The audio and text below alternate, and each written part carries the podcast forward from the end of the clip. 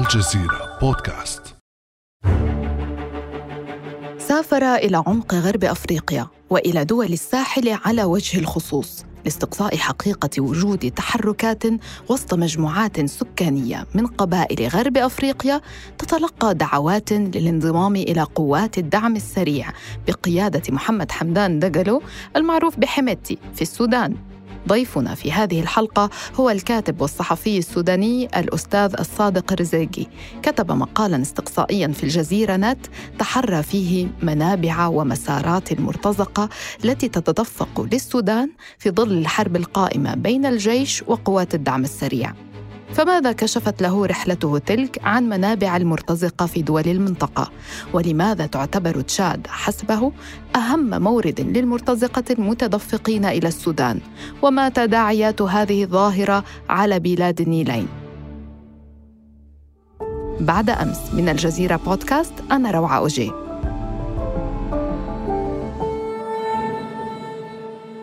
أرحب بالأستاذ الصادق أرزيكي أهلا وسهلا بك عليكم السلام ورحمة الله وتحياتي للسادة المستمعين.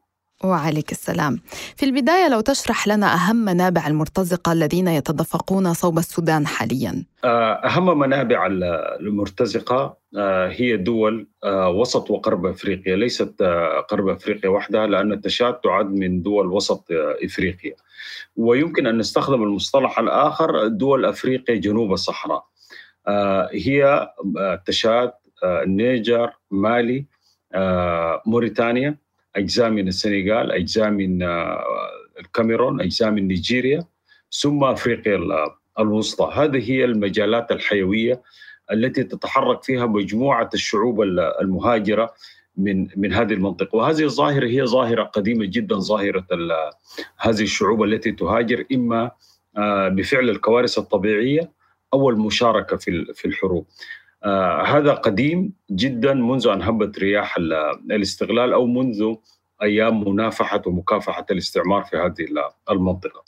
وهنالك عوامل آه ساهمت أن تكون هذه المنطقة الواسعة مترابطة آه متداخلة آه، وفيها هذا التحرك الواسع من أهم هذه العوامل أن التداخل الاجتماعي والثقافة الواحدة والمنبت الواحد الأصل الواحد لهذه المجموعات هي التي سهل كثير آه، في مشاركة هؤلاء المرتزقة في حروب المنطقة.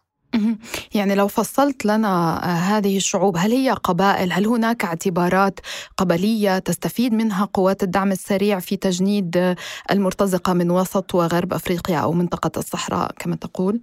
طبعا آه، لكن لابد من اعطاء خلفية تاريخية قصيرة. اولا الرابط الرئيس بين هذه المناطق كلها ومع السودان بالتحديد هو طريق الحج طريق الحج التاريخي الذي له عدة قرون ما يقارب الألف سنة.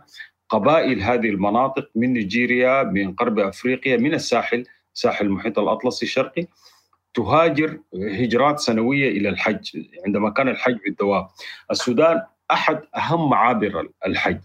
ثانيا أن السودان هو أخصب مناطق هذه هذه المساحة طريق. الأفريقية الكبيرة السودان هو الاخصب بل كانت قبائل غرب أفريقيا كلها تعتقد أن السودان هو جزء من الحجاز. هذا هو ارتباط السودان في المخيله الافريقيه خاصة القبائل المسلمة.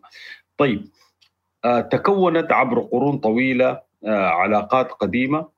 بفعل أن هذه المنطقة توجد فيها إسنيات مختلطة. آه، فيها هجرات عربية قديمة فيها مصاهرات بين القبائل الأفريقية والعربية. هي صنعت هذا هذا الوجود. لكن قضية المرتزقة مرتبطة باربع قوميات أساسية يجب أن نفصل فيها، هنالك عدة مجموعات سكانية وقبائل أساسية وكبيرة في هذه المنطقة ظلت على الدوام. هي الوقود الحيوي لعمليات القتال والمشاركة في الحروب سواء كان النضال ضد الاستعمار أو المشاركة في الخلافات والاضطرابات والتوترات السياسية وصراعات السلطة في في المنطقة. أولى هذه القبائل هي قبائل التبو. قبائل التبو آه، موجودة في جنوب ليبيا، موجودة في شمال غرب تشاد، موجودة في شمال شرق النيجر، موجودة في شمال مالي، موجودة في جنوب الجزائر موجودة في السنغال موجودة في جزء من موريتانيا هذه هي قبيلة أساسية وقبيلة كبيرة في السودان وفي تشاد تسمى قبائل القرعان لكن هي في الأصل هي قبائل التبو. المجموعة الثانية هي القبائل العربية هي موجودة في السودان موجودة في تشاد موجودة في النيجر في شرق النيجر خاصة في مناطق ديفا في شمال النيجر. جزء منهم موجود طبعا بالتأكيد في في جنوب ليبيا. وأجزاء متفرقة أيضا من هذه القبائل آه، موجودة في موريتانيا مثل قبائل الحسانية أو أو الشناقيط. آه، يعني توجد تداخلات لدى هذه القبائل الموريتانية داخل آه، النيجر وداخل السودان وداخل المالي. هذه هي المجموعة الثانية. المجموعة الثالثة هي مجموعة الفولان. هي قبائل الفولان قبائل من أكبر القبائل في في غرب أفريقيا موجودين في مالي موجودين في النيجر موجودين في نيجيريا موجودين في الكاميرون موجودين في تشاد موجودين في السودان. وهذه قبائل الفلان هي أكبر القبائل المهاجرة على الدوام لأنهم أكثر ارتباطا بطريق الحج التاريخي الذي ذكرنا وأكثر ارتباطا بمسألة الهجرة عموما يعني مفهوم الهجرة عند الفولان مفهوم واسع جدا لا تحدهم حدود ولا فواصل بين هذه الدول. آه، هنالك مجموعة الطوارق الطوارق موجودين في منطقة الصحراء الكبرى وهؤلاء موجودين في ليبيا موجودين في السودان موجودين في مالي موجودين في النيجر موجودين في الجزائر وممتدين حتى حتى موريتانيا. إذا كانت هذه هي العناصر الرئيسية هنالك عناصر أخرى أصغر حجما مثل قبيلة الزغاوة والزغاوة قبيلة كبيرة آه، موجودة في السودان موجودة في آه، تشاد. إذا كانت هذه هي المجموعات الأساسية هذه المجموعات ظلت على هامش الحياة السياسية لأن المستعمر عندما خرج من أفريقيا جنوب الصحراء ركز السلطة لدى القبائل غير العربية في هذه المناطق. في تشاد ركزت السلطة آه، كما نعلم آه، بعد استغلال تشاد في في مطلع الستينات جزء من قبائل جنوب تشاد وهي قبائل أفريقية وجزء من قبائل القرعان هي جزء من التبو لكن أبعدت كثير من القبائل من المشاركة في السلطة من المشاركة في صنع مستقبل وحاضر بلدانهم آنذاك كذلك في في في النيجر كذلك في مالي. وبالتأكيد في في ليبيا ظلت قبائل التبو وقبائل الطوارق على هامش الحياة السياسيه ليست مشاركة. آه، هذه هذه هي الصورة العامة. لماذا تعتبر تشاد اذا أهم مورد للمرتزقة إلى السودان؟ لا بحكم العلاقة المتميزة والقوية والمتينة بين تشاد والسودان أول الحدود السودانية التشادية تغارب الألف كيلومتر. آه، كل التحولات التي حدثت في شاد آه، كانت لديها علاقة بالسودان. المعارضة الشادية نفسها نتيجة للتداخل القبلي لأنه قبائل غرب السودان هي نفس القبائل التشادية. يكاد يوجد تطابق آه، يصل إلى 90% آه، بين المجموعات السكانية. آه، نفس المجموعات الموجودة في السودان هي نفس المجموعات الموجودة في شاد. فلذلك تجد الرجل لدي الرجل السوداني هنا في غرب السودان لديه أبناء عمومته في في في شاد. الحياة السياسية عندما بدأت آه، في البلدين النضال ضد المستعمر كان نضالا مشتركا لأن حركة تحرير شاد فورلينا تأسست في الأساس في السودان في الستينات. كل المعارضة المسلحة أو أو السياسية التشادية على طول أنظمة الحكم المعارضة في في شاد كانت موجودة في في السودان لكن العامل الرئيسي ليس هو العلاقة السودانية التشادية أو التداخل السوداني الشادي لم تظهر آه، بصورة ملموسة آه، هذه التدخلات وهذا العامل البارز الذي جعل شاد من أهم موارد المرتزقة إلا بعد وصول معمر القذافي إلى السلطة في في ليبيا. معمر القذافي عندما وصل إلى السلطة في ليبيا في 69 آه، أراد أن يمد نفوذه آه، جنوبا. وكانت نظريته هو نظرية أممية وحاول أن يكون قائد أممي. فلذلك وجد أن أفريقيا هو المرتع الذي يمكن أن أن يمارس فيه آه، كل ما يريد. يعني كل حركته السياسية كل تكتيكاته كل استراتيجياته. بنى هذه الاستراتيجيات على على إفريقيا. فلذلك تورط في الصراع الشادي وثم دخل في صراع مع شاد نتيجة للخلاف حول شريط أوزو المختلف عليه بين ليبيا وشاد. جعل الغزافي يغذي الصراعات في شاد ولا يمكن تغذية الصراعات في شاد بمعزل عن السودان. فلذلك جند الغذافي كثير من حركات المعارضة الشادية وكان يدعمها إما عن طريق السودان إذا كانت علاقته جيدة بالسودان أو أتى بكوادر سودانية من نفس هذه القبائل. وهذه الكوادر السودانية لديها من الخبرة السياسية أو الخبرة العسكرية لأن الجيش السوداني سابق في تأسيسه للجيش التشادي. والمثقفين والتعليم في السودان كانت سابقة للحركة آه، في شاد. فلذلك هناك تداخلات بين البلدين جعلت من الأمن القومي السوداني يرتبط بالأمن القومي الشادي طب هل هذا خلق جماعات أفريقية مسلحة في وسط أو غرب القارة تصنف بأنها مرتزقة أم أن التجنيد يعني يكون آه، فرادى وليس كمجموعات آه، كاملة يعني؟ عندما تكون واحدة من الحركات المعارضة في أي بلد تنتمي إلى إحدى القبائل التي ذكرت يتناصر أفراد هذه القبائل المنتشرين في كل هذه الدول لنصرة أهلهم. الذي يحدث الآن في السودان إن قوات الدعم السريع الآن استنصرت اولا بالقبائل العربية الموجودة في شاد والموجودة في النيجر والموجودة في في مالي. وهذا هو تداعي طبيعي طبيعي جدا آه، لكل القبائل لأنه ثقافة هذه القبائل هي النصرة هي الإجارة آه، هنالك مصطلح اسمه الفزع، الفزع أن أن أن أن تخرج لنصرة آه، آه، أخيك من القبيلة الأخرى فثقافة الفزع تجعل القبائل آه، بينها آلاف الكيلومترات عندما تسمع أن القبيلة الفلانية تخوض حربا أو لديها حرب أنت تتسلح وتأخذ معك من المقاتلين ما, ما تحصل عليه ثم تذهب.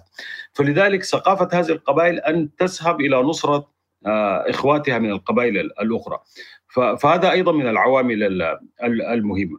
الآن كل قبيلة لديها حركة مسلحة تناصر القبيله الاخرى، لكن مفهوم المرتزقة المفهوم الحديث للمرتزقة أي تجند الآخرين من أجل القتال آه، فقط من أجل المال، هذا بدأ مع القذافي كما ذكرت وآخر أيام القذافي كما نعلم أن القذافي هو الذي جند مجموعات المرتزقة الذين قاتلوا معه عندما بدأت الحرب في ليبيا.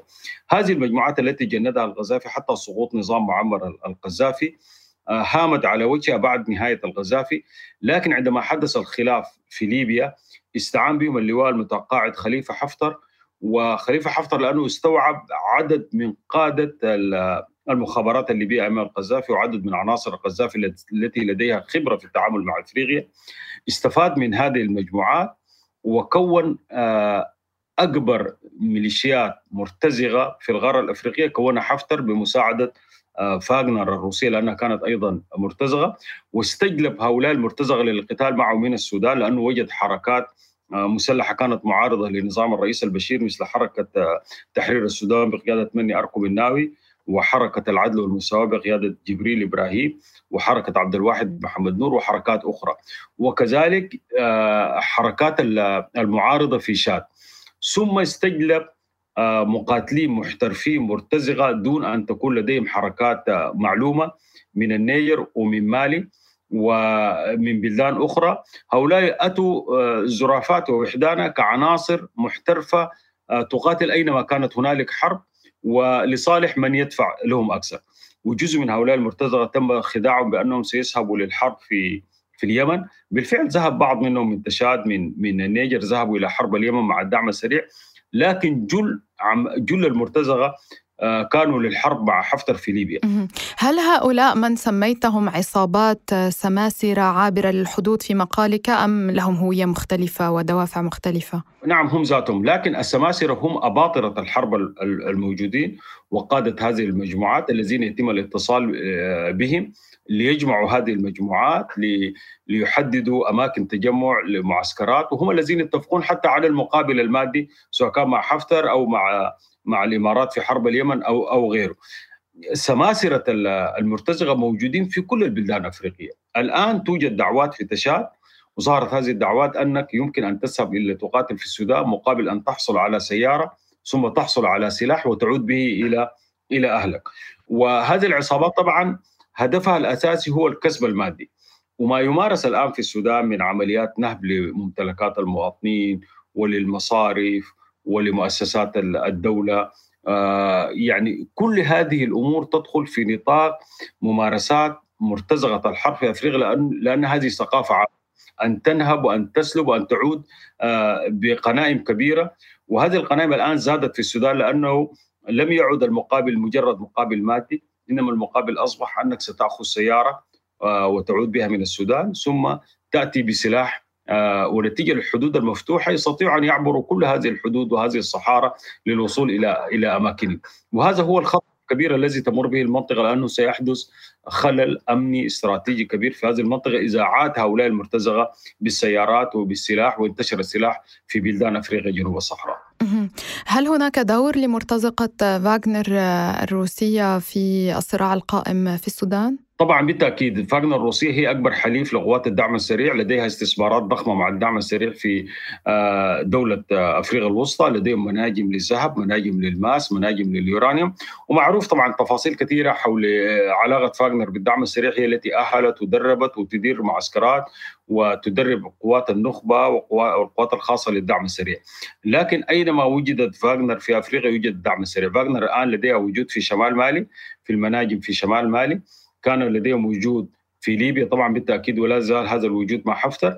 لديهم استثمارات مشتركة في قينيا كوناكري في في مجال الذهب. أينما وجدت فاغنر توجد الدعم السريع. وأينما وجدت فاغنر توجد إدارة مختصة أو مجموعة مختصة تدير عمل هؤلاء المرتزقة وتدير عمل الميليشيات التي يتم تجنيدها وتدريبها للمشاركة في أي حروب. الذي يحدث في السودان الآن والذي يحدث مع الدعم السريع هو محاولة لصناعة فاغنر الآفرو عربية في المنطقة حتى تستطيع أن تغير كل الجغرافيا السياسية في في أفريقيا جنوب الصحراء. يمكن أن تغير الأنظمة كما هو يحدث الآن في أفريقيا الوسطى. أن أن فاغنر الروسية وفاغنر الآفرو عربية الآن هي التي تحمي النظام الموجود في في أفريقيا الوسطى نظام الرئيس توادورا وهي التي تسعى الآن إلى حماية النظام في في مالي وتسعى إلى تغيير أنظمة كثيرة في في تشاد أو في في النيجر كل عمليات المحاولات الانقلابات العسكرية أو محاولات التدخل في هذه البلد كلها رهينة بتنسيق عمل هذه المجموعات المرتزقة لأنها ستكون مجموعات عابرة للحدود وتستطيع أن تغير الأنظمة في في المنطقة. نضيف عامل اساسي مع هذه المرتزقة يجب أن لا نهمله هو أن بوكو حرام بوكو حرام الآن تحولت من منظمة متطرفة دينيا أو منظمة إرهابية لمجموعات تمارس النهب وتمارس السرقة وتمارس العنف لأن بوكو حرام الآن لم تعد تحمل محمول ايديولوجي أو ديني أو أو هكذا. الآن أصبحت مجرد عصابات مجرمة وهذه العصابات تذهب إلى حيث ما وجدت مصلحتها. فلذلك توجد الآن ضمن هؤلاء المرتزقة مجموعة من بوكو حرام. هذه المجموعة تتحرك. ولكن عندما سيتسلحون ويأخذون السيارات والسلاح من قوات الدعم السريع يعني ألا يمكن أن يعيدوا إحياء الإيديولوجيا أم أنها يعني صفحة وطوها وباتوا في مجرد مرتزقة؟ طبعا كل وارد لكن لا لا أعتقد أن هنالك الآن فرصة لأن بوكو حرام تمت محاصرتها وقعت عدة دول نيجيريا وتشاد والنيجر والكاميرون وقعت اتفاق هذا الاتفاق ذو أبعاد مختلفة أبعاد أمنية وعسكرية استطاعوا بها إضعاف بوكو حرام.